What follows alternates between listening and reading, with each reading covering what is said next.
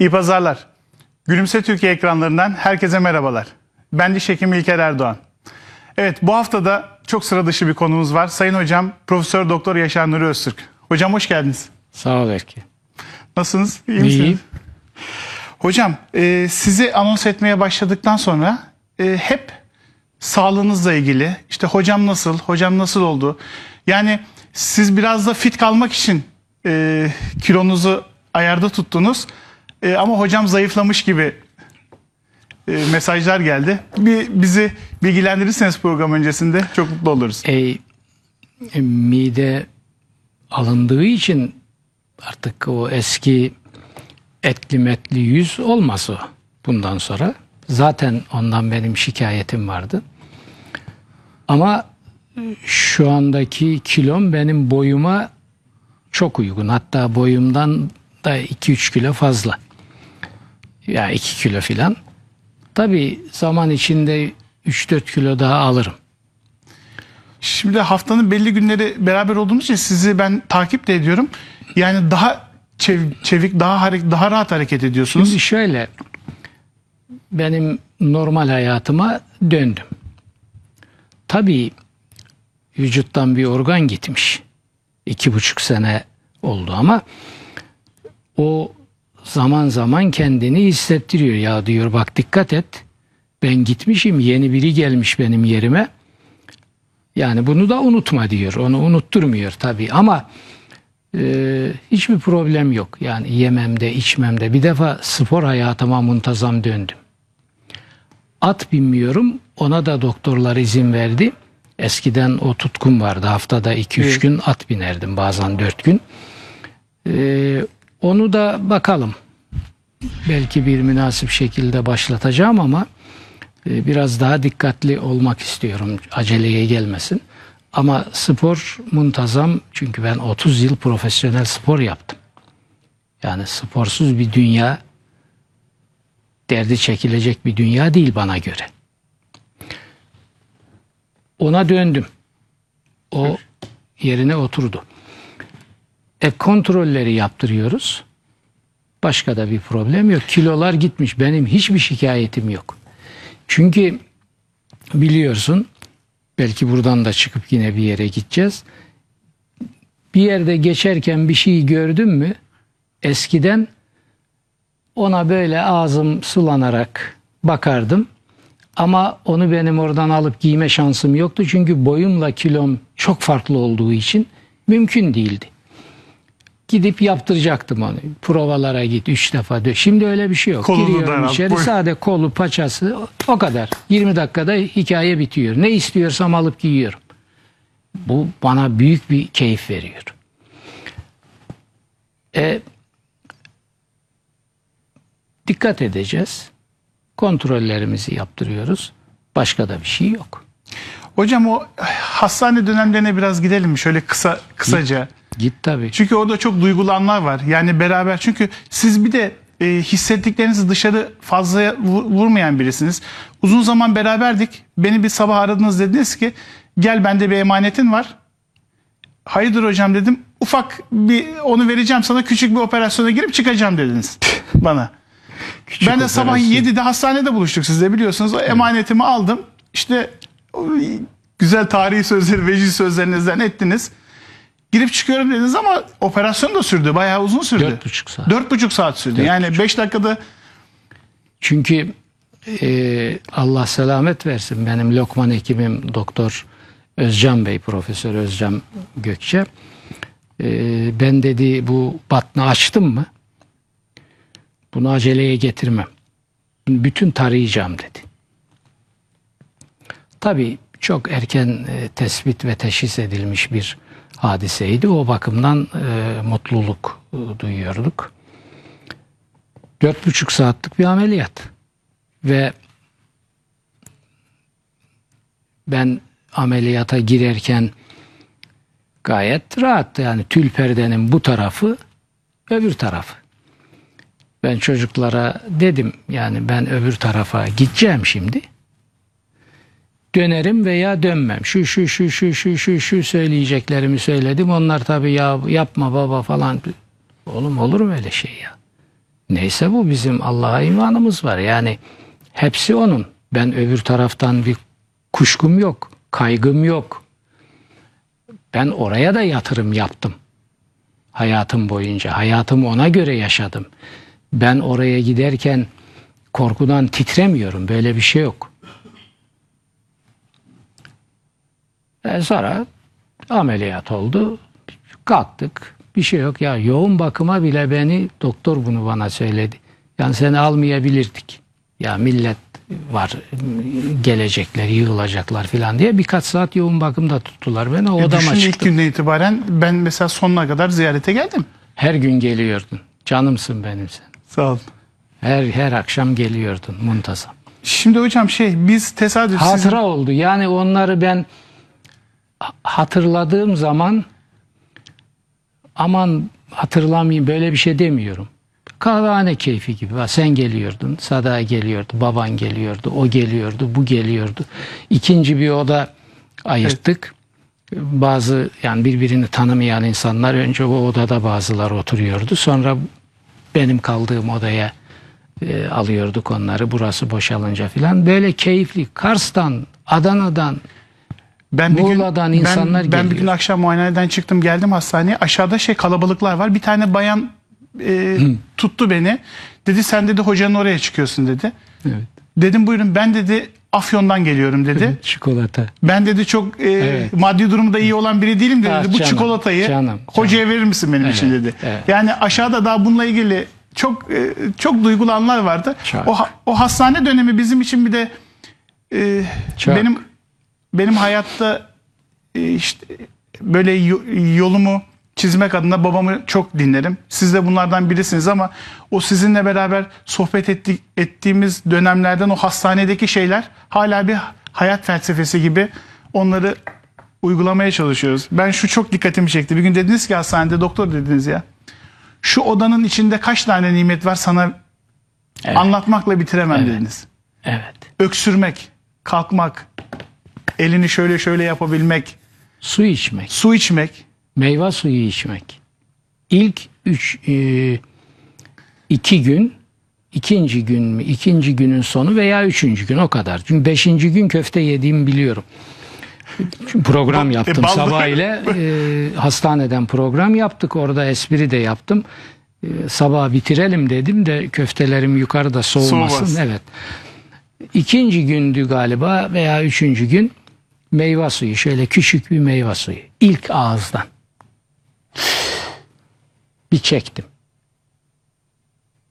İlkerciğim onu tarif edemem ben.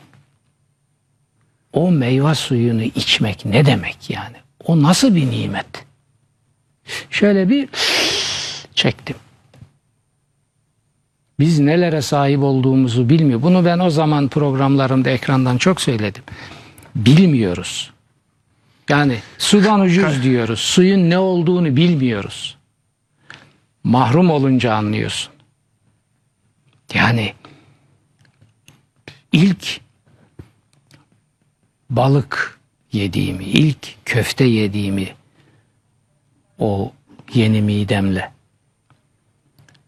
Sonra dahası var. Tabi hastaneden beşinci gün Çıktı. Postaladılar bizi. Eve geldik. Sen iyisin dediler. Evet. O Allah selamet versin. Diyarbakırlı benim aziz dostum, arkadaşım, canım kardeşim benim Önder Günay. Dünyanın bana göre en güzel güveç yapan adam. Diyarbakırlı bir delikanlı. O yapıp yapıp getiriyordu. Ya benim şoför gidip alıyordu ya kendi alıp geliyordu. Çoğu öyle beraber yiyorduk. Şimdi o ilk ben acıyı çok seven bir adamım. O ilk o güveç o acılı Önder'in acısıyla onu ilk yediğim günü ben onu tarif edemem ya. Ben onun şükrünü nasıl eda- edeceğimi bilemem. Neymiş meğer onlar. Sonra ben o bebek mideyle ondan üç porsiyon yiyordum. Ve Önder durmadan bana o kış güveç yaptı getirdi. Durmadan. Ama sizin iyi olmanız yani çabuk iyileşmenizdeki en önemli etkenlerden biri siz çok iyi bir hastasınız. Şimdi ben kendim de sizde te- tesadüf e, e, ameliyat olmadan önce e, şöyle bir konu geçti aramızda. Şu ağızla ilgili bütün sıkıntıları halledelim de hocam yarın öbür gün bir şey olur bir problem olur. Senin rolün orada çok büyük. Şimdi bana kemoterapiye girerken gireceğiz dikkatimi çektiler. Bir liste verdiler. Bir baktım ona bizim bir defa ağız gitmiş. Dişini fırçalama. Şöyle fırça kullan. Parmağınla yok efendim bilmem hafif bir kanama olursa sakın hemen haber ver. Çünkü kan pıhtılaşmaz falan hikayeli. Hiç ben böyle bir şeyler görmedim. Hiç. Benim kan değerlerim hiç oynamadı. Garip bir şey. Ağzı sana teslim ettik biliyorsun. Ben ağzımla en küçük bir problem yaşamadım. Onun için sa- sana da şükran borçluyum. Kemoterapi ve radyoterapi esnasında hiç yara da çıkmadı. Hiçbir şey. Zaten onun önlemini de almıştık. Hiç. Olsaydı lazerlerle. Ha, radyoterapi beni hırpaladı. Evet. Nasıl hırpaladı? İştahımı aldı. İştahımı aldı. Onun için ben yani ameliyattan sonra ben 4 kilo düştüm. Onu da alıyordum, aldım. Ama radyoterapi gelince 10 kilo birden düştüm. Zaten dediniz demişlerdi ki kemoterapi daha ağır olur dediler ama de- demişlerdi size. Kandırmışlar beni. evet bu radyoterapinin bana söyledi. yaptığını bu radyoterapinin bana yaptığını hiçbir şey yapmadı dediniz. Ben ne ameliyatı kötü bir şey diye hatırlıyorum ne kemoterapi. Hiç kar tipi o ağır, ağır bir kıştı o biliyorsun. Ben kaşkolu boynuma sarıp çıkıp evin etrafında boğazın oralarda yarım saat 40 dakika dolaşıyor. Canım çekiyordu. Fakat radyoterapi vay kerata vay. Dört hafta hepsi. Evet. Öbürü ne kadar sürdü? Üç ay. Hiç. Böyle bir hatıra tatile gitmiş gibi. Hiçbir şeyimi etkilemedi. Ama o dört hafta iştahımı aldı. Anam, anam, anam, anam. Ve ondan kurtulmak için ben 5-6 ay harcadım. Ama sonuçta çok iyi çok şükür. Hocam siz çok yani ben kendimden biliyorum. Size ne denirse hekiminiz bir şey dediği zaman noktasına virgülüne kadar şey yapıyorsunuz. Tabii. Gayet. Yani e, menünün içinde olsa ki diyelim ki Antep tuzu diye bir tuz olsa onu bulduruyorsunuz onu getirip şey yapıyorsunuz. Yani hekiminizin dediğini çok iyi şey yapıyorsunuz. Evet. Bir de e, şey bana tabi Allah'a gene şükretmek lazım. E, Benim bir tırnak içinde şansım daha oldu. İşte böyle şekerdi bilmem baldı filan bö- böyle bir şey yok. Şimdi ben öyle bir şey olsa yedim mi de problem olacak. Öyle insanlarla gördük. Şimdi ben öyle bir şey yok. Her şeyi yedim ve bana bir Rus doktor arkadaşım dedi ki önüne 50 tane şey geldi hiçbirini istemiyorsun. Canın çekmiyor. 51. bir şeyi canın çekiyor. Onu bul ye. Hocam balı zaten kuryeyle getirtmedik mi? Ve bal bir, tatlı olarak bal. Ben tatlıyı yani tabım icabı sevmem. Hayatım boyunca da sevmedim. Ama balı, balı yiyorum. Balı evet sen de getirdin. Balı gene yedik. Fakat şimdi başka bir şey. Ben kilolarla pastırma yedim o dönemde. Kilolarla. Şimdi Önder dediğim ya Önder, Önder bir de bana pastırmacılık yapıyordu. Kilolarla pastırma yedim. Ve bidonlarla turşu yedim. Ya böyle bir şey olur mu? Turşu yani canım çekiyor. Turşu turşu pastırma pastırma. Bere, bereket çemensiz pastırma diye bir tür icat edildi. Yoksa eve kokudan giremezsin. Yani acayip pastırma yiyorum. Sa- sabahtan yarı geceye kadar. Aralarda. O hala devam ediyor. Hala ben acayip pastırma tüketiyorum. Böyle bir e, vücut kimyasında mı değişiklik oldu? Nasıl bir, bir, bir garip bir şey. Ama onlar olmasa iştahım açılmaz. Şimdi o geliyor, bu geliyor, şu geliyor, aşçı var, hazırlıyor, getiriyor, çocuklar koşuşturuyorlar. Canım başka bir şey istiyor orada. Ve Rus doktorun dediğini yaptım. Onu buldum ve yedim. Onu yiyince öbürlerin de önü açılıyor. Böyle. O düzenin haricinde bir de o yani ağır bir ameliyat geçirmişsiniz. Hala şeyi düşünüyorsunuz. Mesela programınız vardı. Bir gün sonra mıydı program?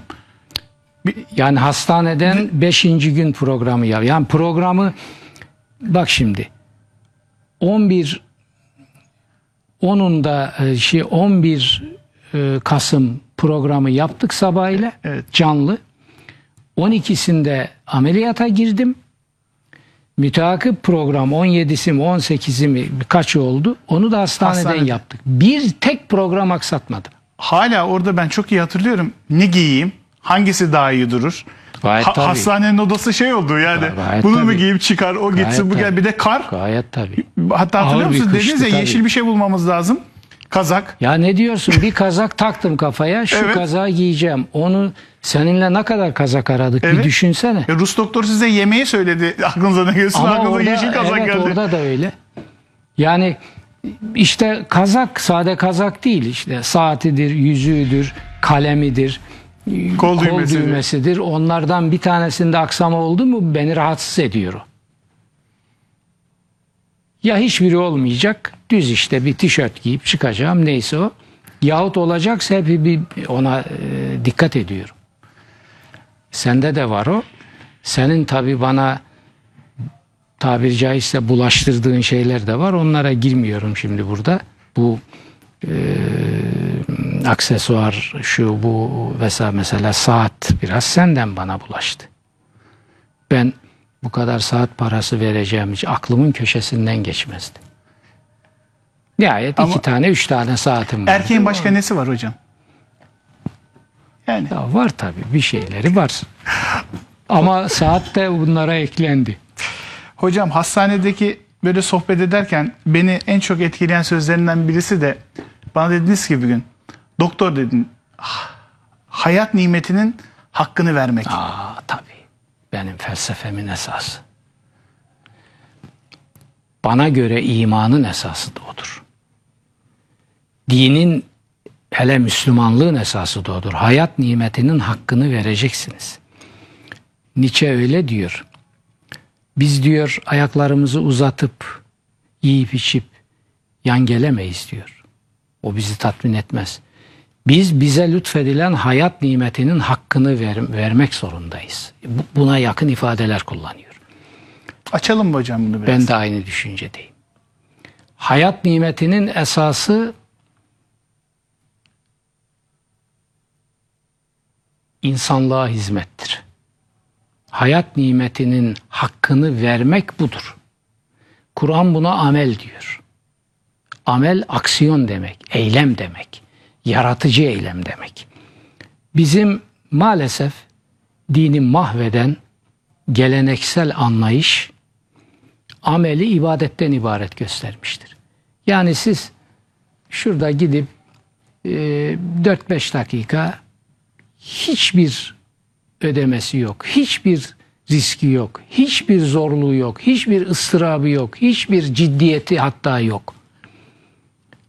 Ama bir de riyakarlığa tenezzül ederseniz çok getirisi de var. İki rekat namaz kıldınız, o ibadet oluyor. Ama şu binanın yerden üç kat aşağıda oksijen tüpüyle nefes alıp verdiğiniz bir katında mesela 3 saat bir 4 saat bir ameliyatı yapıyorsunuz. Doktorsunuz. Sen de doktorsun. O ne oluyor? Hiç o bir şey değil. Efendi Hazretlerinin 3-4 dakika yatıp kalkması, birkaç rekat namaz, o ibadet. O ne demek falan. Au. Senin o 4 saatlik oksijen tüpüyle nefes alıp vererek o katta yaptığın ameliyat ne oluyor? Senin alel ıtlak bırak yerin altını üstünü. Senin Fenerbahçe'deki kliniğinde yaptığın ameliyatlar, yaptığın tıbbi eylemler, o hizmetler onlar ne oluyor peki? Kur'an'a bir sorun bakalım onların adı nedir? ibadet kelimesi ve ibadetten türemiş kelimeler Kur'an'da yüzlerce defa kullanılıyor. Abd, ubudiyet, abid, ibadet, fiil şekilleri, yabudun, tabudun falan. Bunların hepsinin temel eee, kelimesi İbranice'den gelen bir kelimedir. Kur'an insanlığın sade Arapçasını kullanmamış. Diğer dillerden de kelimeler kullanmıştır. O evrenselliğinin bir icabı gibi. Aboda kelimesi. İbranice kök kelime odur. İbadet de oradan türemiştir. Abid de oradan, ubudiyet de oradan, hepsi oradan. Aboda ne demek? Aboda iş yapmak, değer üretmek demek. O zaman abid ne demek? Kul anlamındaki. İş yapan, değer üreten demek. Allah'a ibadet ne demek? İnsanlık adına iş yapıp değer üretmek demek. Yatıp kalkmak değil. O onun sadece bir ritüel kısmı. Bir kısmı. Bizim hocamız hatta hocalarımızın hocası Profesör Hüseyin Atay'ın o ilahiyat alanının dahi adamı Hüseyin Atay'ın ifadesiyle zurnanın son deliği. Evet onun da zurnada yeri var. Ama son deliktir o. Onu ne yaptılar getirdiler? İslam'ı yozlaştıran Emevi zorbaları ne yaptı? Onu getirdiler bir numaralı ibadet yaptılar yalan. Bir numaralı ibadeti Kur'an'ın okumaktır. Hiç, hiç tereddüdü yok. İtirazı ve tereddüdü olan gelsin biz buradayız. Bir numaralı ibadeti Kur'an dininin okumaktır. Aynen Kur'an'ın ilk emrinin okumak olduğu gibi. Namaz, namaz da ibadetlerden biridir. Önemli ibadetlerden biridir. Tamam. Sen namazı getirip bir numaralı hatta tek ibadet yapıyorsun. Ondan sonra 50-100 metreye bir cami konduruyorsun. Kur'an'a sordun mu bu benim yaptığım nedir? Kur'an'da Maun suresini koymuş bünyesine. Maun suresi diyor ki bu namazı gösteriş aracı yapan hele bir de bunun arkasına saklanarak kamu haklarına tecavüz eden melundur diyor. Feveylül lil musallin. Kur'an'ın tabiridir. Ben, ben söylemiş değilim ben. Yorum bile yapmıyorum. Dolayısıyla ilke şudur. Bütün meşru fiiller ibadettir Kur'an'ın idrak ve anlayışına göre. İyi ve düzgün yapıldığı sürece. Bütün meşru fiiller ibadettir. Bitmedi.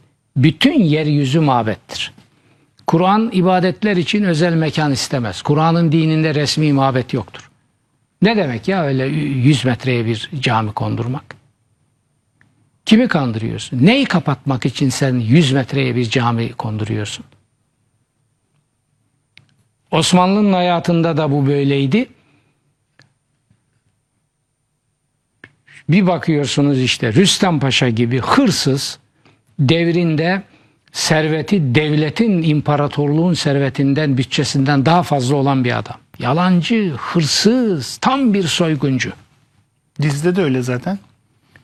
Ondan sonra işte karısının adına cami var. Mihrimah Mihrimah. Sultan. Neyi, neyi Üsküdar. saklamak için yapmışlar bunu? Sultanahmet Camii. Bunların tek tek hepsinin hikayesini anlatmak lazım. Kuyucu Murat'ın yüz küsür bin insanı vergilerini ödemediler diye katlettirdiği nasıl vergisini ödeyecek? Birinci Sultanahmet. Nasıl ödeyecek? Aç bir tas çorbayı bulamıyor. Para kimde? Gayrimüslimlerde. Ermeni'de, Yahudi'de, onda bunda. Türk halkı dediğimiz esas raiye. Aç. Öde, ödeyemiyor. Ödeyemedim isyan ettin diyor. Bak bak bak. Celali isyanı diyor bunlara. İsyan diyor bunlara. Ya ne isyanı ödeyemiyor adam. 100 bin civarında insanı katlettirmiştir. Böyle bir zulüm de tarihte çok az görülmüş. Ondan sonra bunu kapatmak için topladığı o paralarla gelmiş Sultanahmet Camii'ni yapmış. Orada namaz kılınır mı? Mescidi dırardır o. İnsanlığa zarar veren mescit. Kur'an bunu söylüyor. Burada namaz kılınmaz diyor. Gidin geriye doğru. Kimse kusura bakmasın. Osmanlı'nın o anlı şanlı camilerinin hemen tamamının hikayesi böyledir. Hepsinin arkasında zulüm var. Zulmü kapatmak var. Onun içindir ki Kur'an-ı Kerim insanlığa zarar veren mescitlerde sakın namaz kılma diyor peygambere. Bizim peygamberimiz aynı zamanda cami yıkan bir peygamberdir. Hayatında iki tane cami var. Birini yapmış, birini yıkmıştır. Böyle bir peygamber. Ve hiçbir kutsal metin insanlığa zarar veren ve bunun için de yıkılması gereken mabetlerden bahsetmez. Hiçbir kutsal metin Allah ile aldatılmayın emri taşımaz. Hiçbir kutsal metin temel ibadetlerinden biri olan namazı riyaya ve menfaata alet edenleri lanetlemez Maun suresi. Bunlar yalnız Kur'an'ın devrimleridir. Kur'an'ın ihtişamıdır. Kur'an'ın mucizeleridir. Açtın diye söyledim. Yani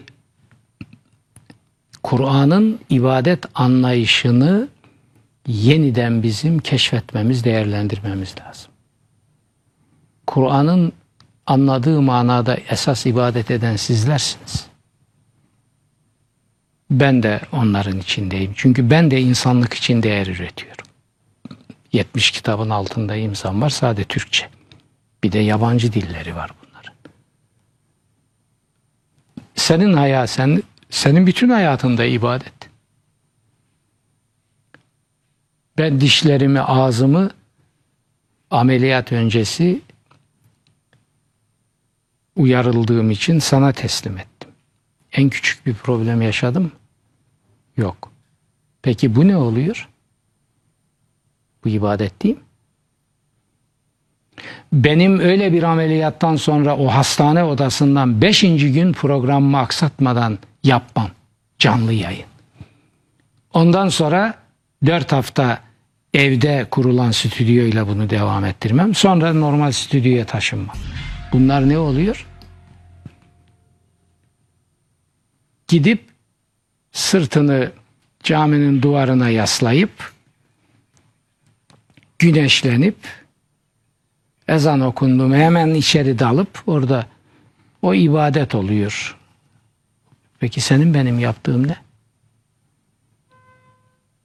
Çocuklarına akşam ekmek götürebilsin diye koşuşturan adamın o koşuşturması ne? Asgari ücretle nasıl geçineceğim diye denkleştirip resmi görevinden sonra kahvehaneleri dolaşıp badem satarak, çiğ köfte satarak çocuklarına helal lokma yedirsin diye üç kuruş daha bütçesine katkı sağlamak için koşuşturan adamınki ne oluyor? Esas ibadet o. Onlar ne oluyor? Sonra işte bakın bugün bakın bugün olup bitenlere yolsuzluk operasyonları bilmem ne dedikleri.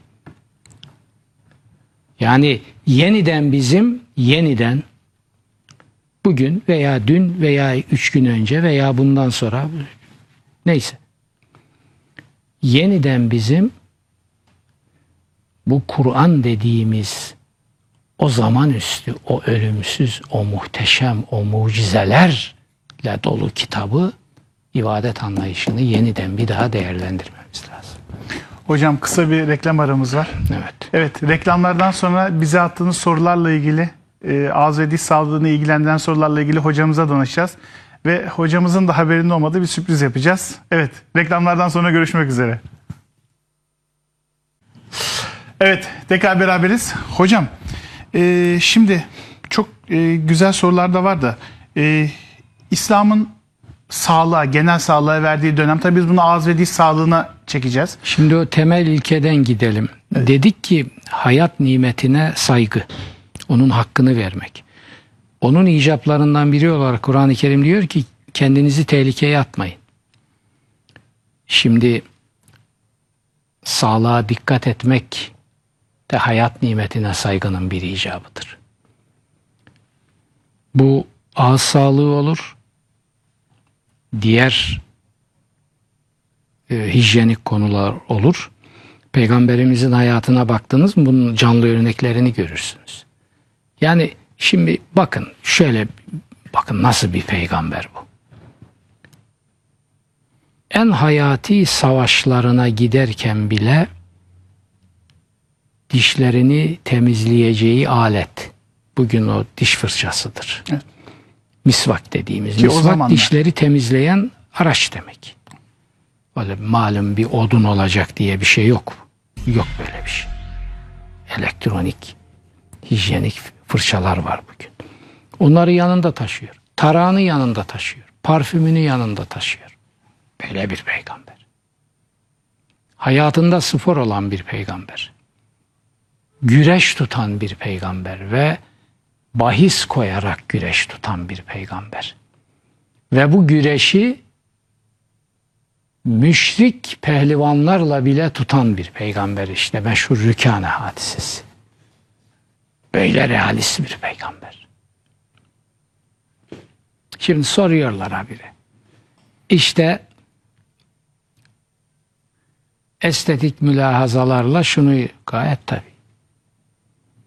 Gayet tabi. Estetik, Estetik öne diş çık- yaptırmak öne çık. gelen- Efendim ne, ne demek? Ne demek? İstiyorsan yaptır. Yani kendini burada ölçüşelim. Keli, kendini, kelimeyi, kendini kelimeyi. İlkerciğim kelime-i şehadeti telaffuz eden ağzınız ne kadar düzgünse o kadar makbuldür. Harabeye dönmüş bir ağızla kelime-i şehadet yazık günah değil mi? Saygısızlık değil mi bu? Tabii Öyle bir şeyimiz var. Ee, melekler rahatsız olur mu diyor ağız kokusundan. olur. Düzgün söylenememesinden. Ben soğan sarımsak yemem diyor. Siz yiyin diyor. Çünkü çok sağlığa çok yararlıdır. Ben diyor çünkü bazı meleklerle münasebet halindeyim. Onlar bu kokulardan rahatsız olur. O zaman bunu ilkeye dönüştürelim. Siz ağzınızla melekleri rahatsız edemezsiniz. Dikkat edeceksiniz buna. Peki şöyle bir şey. Biz biliyoruz ki ağız ve diş sağlığı ile ilgili problemleriniz işte kalbinize, böbreklerinize etki ediyor ve onlarda problemler yaratıyor. Eğer bir şahıs bunların önlemini almadı ve bu sebepten dolayı hayatını kaybettiyse Mesul olur. mesul olur bundan. Ne diyor Kur'an-ı Kerim? Temel ilke. Ve la tulku bi eydiküm ile tehlüketi ve ahsenu. Arkadan kullandığı tabir de budur. Sakın kendi elinizle kendinizi tehlikeye atmayın ve güzelliğe, estetiğe dikkat edin. Ehsenu kullandığı kelime budur. Hüsün kökünden. Öyle Kur'an, Kur'an. Ne Kur'an? Oku mezarlıkta. Üfle oldu Kur'an. Hayır olmadı. Kullandığı kelimelere bakın. Kendinizi tehlikeye atmayın. Ve güzelliği öne alın. Ehsinu kullandığı emir hüsün kökünden, güzellik kökünden. Yani mümin kişinin kendini güzel göstermek adına yaptırdığı her şey caiz midir? Caiz değil, emredilmiştir. Saç bakımı. Bende yok tabi. Neyse. Peygamberimizde var. Saçlarına nasıl özen gösteriyor. Estetik. Şimdi Kur'an bir ilke daha koymuş. O da Leyl suresinde. Estetiğe önem veren, güzelliği önemseyen, hayatı kendi için kolaylaştırır diyor. Aksini yapan da hayatı zorlaştırır. Diş Diş çok önemli tabii. Diş bunun en önde gelenlerinden biri. Hocam e, oruçluyken diş tedavisi ile ilgili çok soru var. Oruçluyken işte iğne yaptırabilir miyiz, şunu yaptırabilir miyiz, bunu yaptırabilir miyiz? Vitamin iğnesi yaptıramazsın çünkü Zaten biz vitamin iğnesi vurmuyoruz Ha, aslında. çünkü Ya uyuşturmak için çünkü gıda hükmündedir. Oruç da gıdalanmayı durdurmaktır bir manada. O zaman Seksi durdurmaktır. Yemeği içmeyi durdurmaktır. Bunun dışında e, hiçbir engel yok. peki bu adetli hanımların e, tedavileriyle ilgili yani adetliyken bir kaplama yapışır mı ağza? İlla sonunu beklemek mi lazım? Dolgu yaptırılır mı? adet geleneksel e, fıkhın hatalı tespitlerine e, rağmen hiçbir şeye engel değildir. İbadete de engel değildir. Peygamberimiz bir imkan vermiştir. Adetli kadın isterse ibadet etmez. Bir ruhsattır bu değil mi? Aynen öyle. İsterse kullanır, Tabiri isterse aynen, kullanmaz. Evet.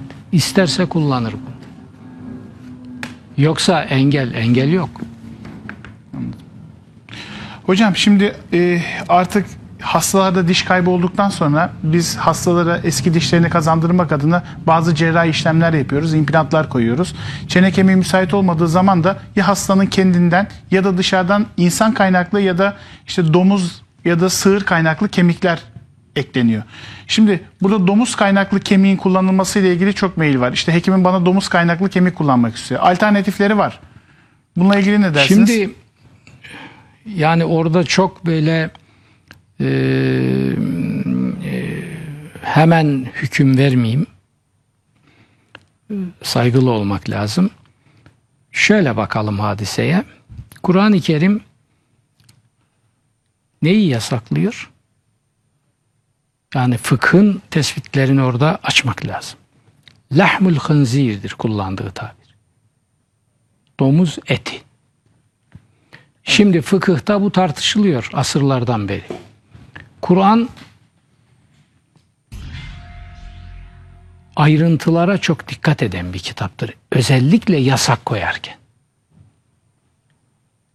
İnnemâ harrame diyor size haram edildi. Ne? Sayıyor sayıyor sayıyor şunlar şunlar şunlar. Bir tanesi de lahmul hınzir. Domuzun eti. Ayrıntı veren bir kitap yasakları getirirken mesela şuhum diyor. Yağları. Enteresandır. Domuzun kemiğine ve yağına yasak getirmiyor Kur'an. Lahmül hınziri diyor. Bak altını çiziyor. Genel bir ifadeyle domuzun her şeyi dememiştir. Fakihlerin tespitlerini şimdi değerlendiriyorum. Domuzun yağı dememiştir. Halbuki yasağı getirirken mesela diyor ki Beni İsrail'e şunlar şunlar şunlar şunlar hatta kemiklere yapışık yağlar tabirini kullanıyor. O kadar ayrıntı veriyor. Domuzun derisi haram mı? E, fakihler bunun üzerinde duruyor. Kur'an diyor lahmul hınzir, domuzun eti tabirini kullanmıştır. O zaman şey olabilir. Yağı ve derisi buna girmez diyor. Fıkhın tespitlerini söylüyorum. Ben haddimi aşmak ve afaki hükümler vermek istemem bunlar çok. Zaten şöyle riskli bunlar olan uygulandıktan sonra bunlar daimi orada kalmıyor. Ama genel Kemik oluşumu kanaat- olduktan sonra kendi kendine eriyip kayboluyorlar. Genel kanaat domuzun etidir yasaklanan. Yağ ve derisi buna girmez. Genel kanaat budur. Hocam çok gelen maillerden biri de hani sizin radyoterapi ve kemoterapi ile ilgili. Hele Ben buradan sağlıkla ilgili affedersin e, doktor. Sağlıkla ilgili ise burada böyle hemen yasak koymak kimsenin haddi değil.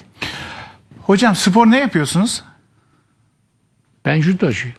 Judocusunuz, yürüyüş yapıyorsunuz, ağırlık kaldırdığınızı biliyorum, koşu yaptığınızı biliyorum. Ağırlık ben ağırlığı kaldırmayı sevmem ama e, belli bir e, miktarda gerekiyorsa yapılır.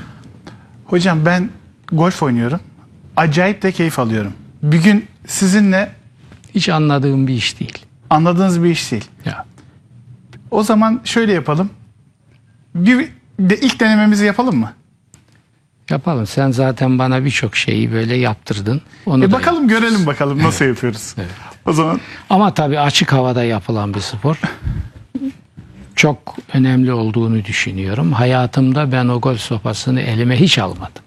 iyi o zaman ilk defa biz Yani sizi böyle bir imkanım olmadı. o zaman ilk şansım biz imkanı olmadı. sağlayalım şimdi. Evet.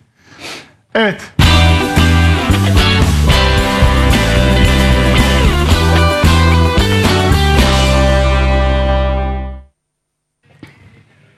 Şimdi Yaşar Nur Öztürk hocam ilk golf denemesini yapacak. Evet hocam buyurun.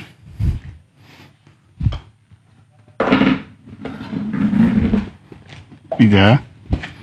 Şöyle yapalım. Hafif böyle eli pergel gibi sallayacağız. Az gitti. Az gitti.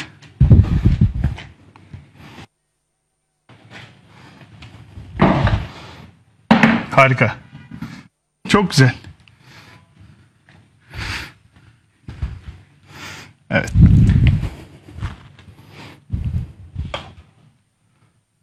Girmedi. Vuralım hocam en son. Evet. Programımız devam ediyor.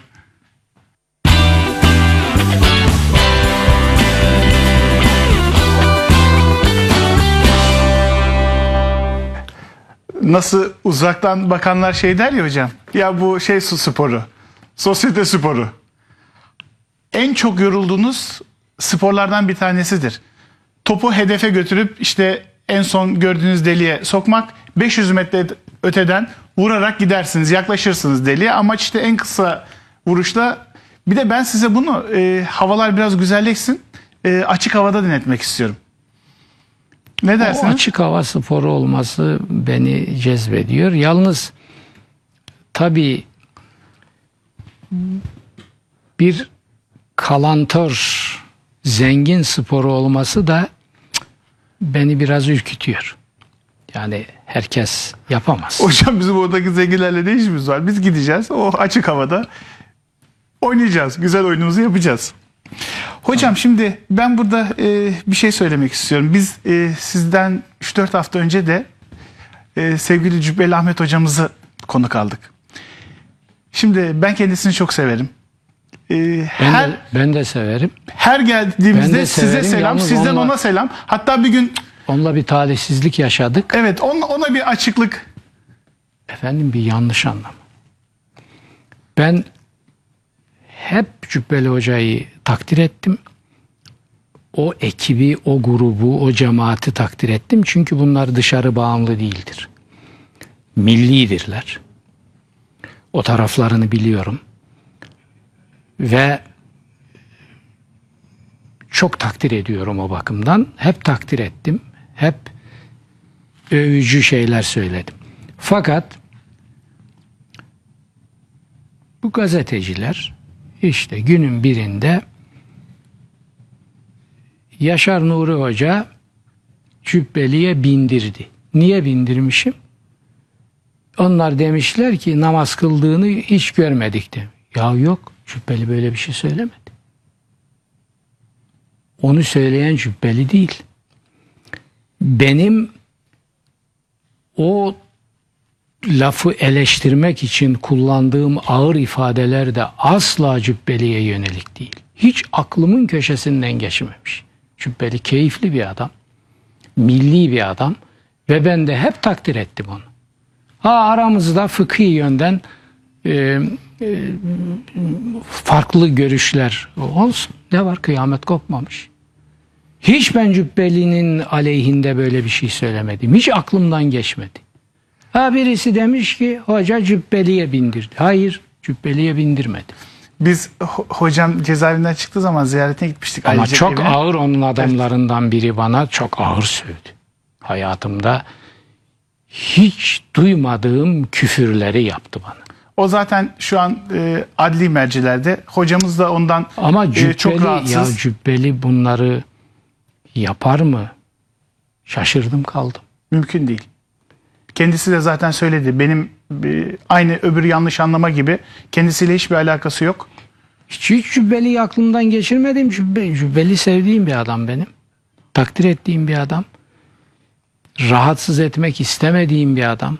Ve aleyhinde hiçbir şey söylemediğim Çok hocam adam. çok keyiflidir hocam. Bili- bilirim yanım. Biz bir gün cezaevinden çıktığı zaman işte ziyarete gittik. Oradan çıktık biliyorsunuz e- evleriniz aynısı sizin yol üzerinde. Yani biraz mesafe. Hocam dedik buradan nereye gidiyoruz biliyor musunuz? Dedi nereye gidiyorsunuz size gidiyoruz. Çok selam söyleyin dedi. Size geldiğimizde de dedik ki hocam nereden geliyoruz biliyor musunuz? Size gülmüştünüz bize. Hocanın evinden geliyoruz deyince bize dediniz ki çok güldünüz. Yani bunu çok e, keyifle ortaya getirdiniz. Böyle şey, bu şeylerin olmasını Yani tabiri caizse çok değerli hocalarımızsınız. gaza, gaza gelmemek lazım. Kesinlikle. Ben Cübbeli ile ilgili kırıcı hiçbir şey söylemedim. Aklımın köşesinden geçirmedim. Peki o zaman bir şimdi siz oynarsınız da hocam oynamaz mı hocam? Bir görüntümüz var ekrana verelim mi? Hoca Evet. keyifli adamdır. Hoca Hocam bunları- çok keyifli adam. Tabii. Hocama muayenehanede bir görüntümüz var. Evet. E, sayın yönetmenim görüntümüzü verebilir miyiz ekranımıza? Evet hocam. Ekranda seyredelim. Göndersin. Evet hocam. Hocam iyi, iyi dengeli vuruyorsun ama. Aa işte. Seninki hep ileri gidiyor. Hızlı vuruyorsun. Hocam sen okuyorsun topu var ya. Yok ben. Hocalar el ayarından korkulu. Ha, çizgide olsa daha iyi değil mi? Çizgide olsun. Tamam. Oldu mi? Vallahi hem de küçüğe soktu hocam. Ha o daha mı mühim? Doğru küçük. Başına da videonun şunu söyleyeceksin. Topu deliğine koymak önemli değil, lafı gediğine koymak önemli.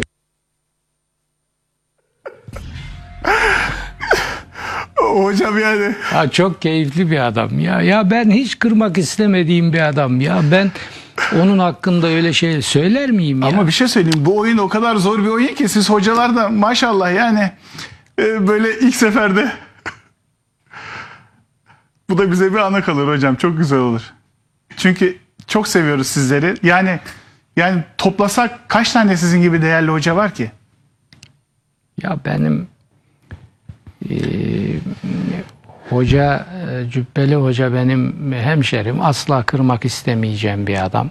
Hiç öyle bir niyetim olmadı ve hoca benim için öyle bir söz de söylememiş. Ya biz onu namaz kılarken gör- bu Cübbeli'nin söylediği bir laf değil. Lafı söyleyeni öyle ben biliyorum. Yani birisi çıkıp da Yaşar Nuri Hoca bunu Cübbeli için söylüyor. Vallahi yok. Yok. Cübbeli benim için öyle bir şey söylemedi. Ben de Cübbeli için öyle bir şey söylemedim. Cübbeli benim keyif aldığım, takdir ettiğim bir adam. Yani nasıl oldu, nasıl gaza geldi? O terbiyesiz adam Cübbeli adına bana o küfürleri nasıl yaptı ben hayret ediyorum. Yani Cübbeli bunlara bu oyuna gelecek bir adam da değil. Çok Kesinlikle zeki değil. bir adam. Yani Hocam- iyi açtım ben de bu vesileyle söyledim. Hocam şimdi programımızın sonuna yaklaştık. Ee, şimdi kemoterapi ve ra- radyoterapi gören has şeylerle ilgili çok mesajlarımız var. Ben şunu söylemek istiyorum.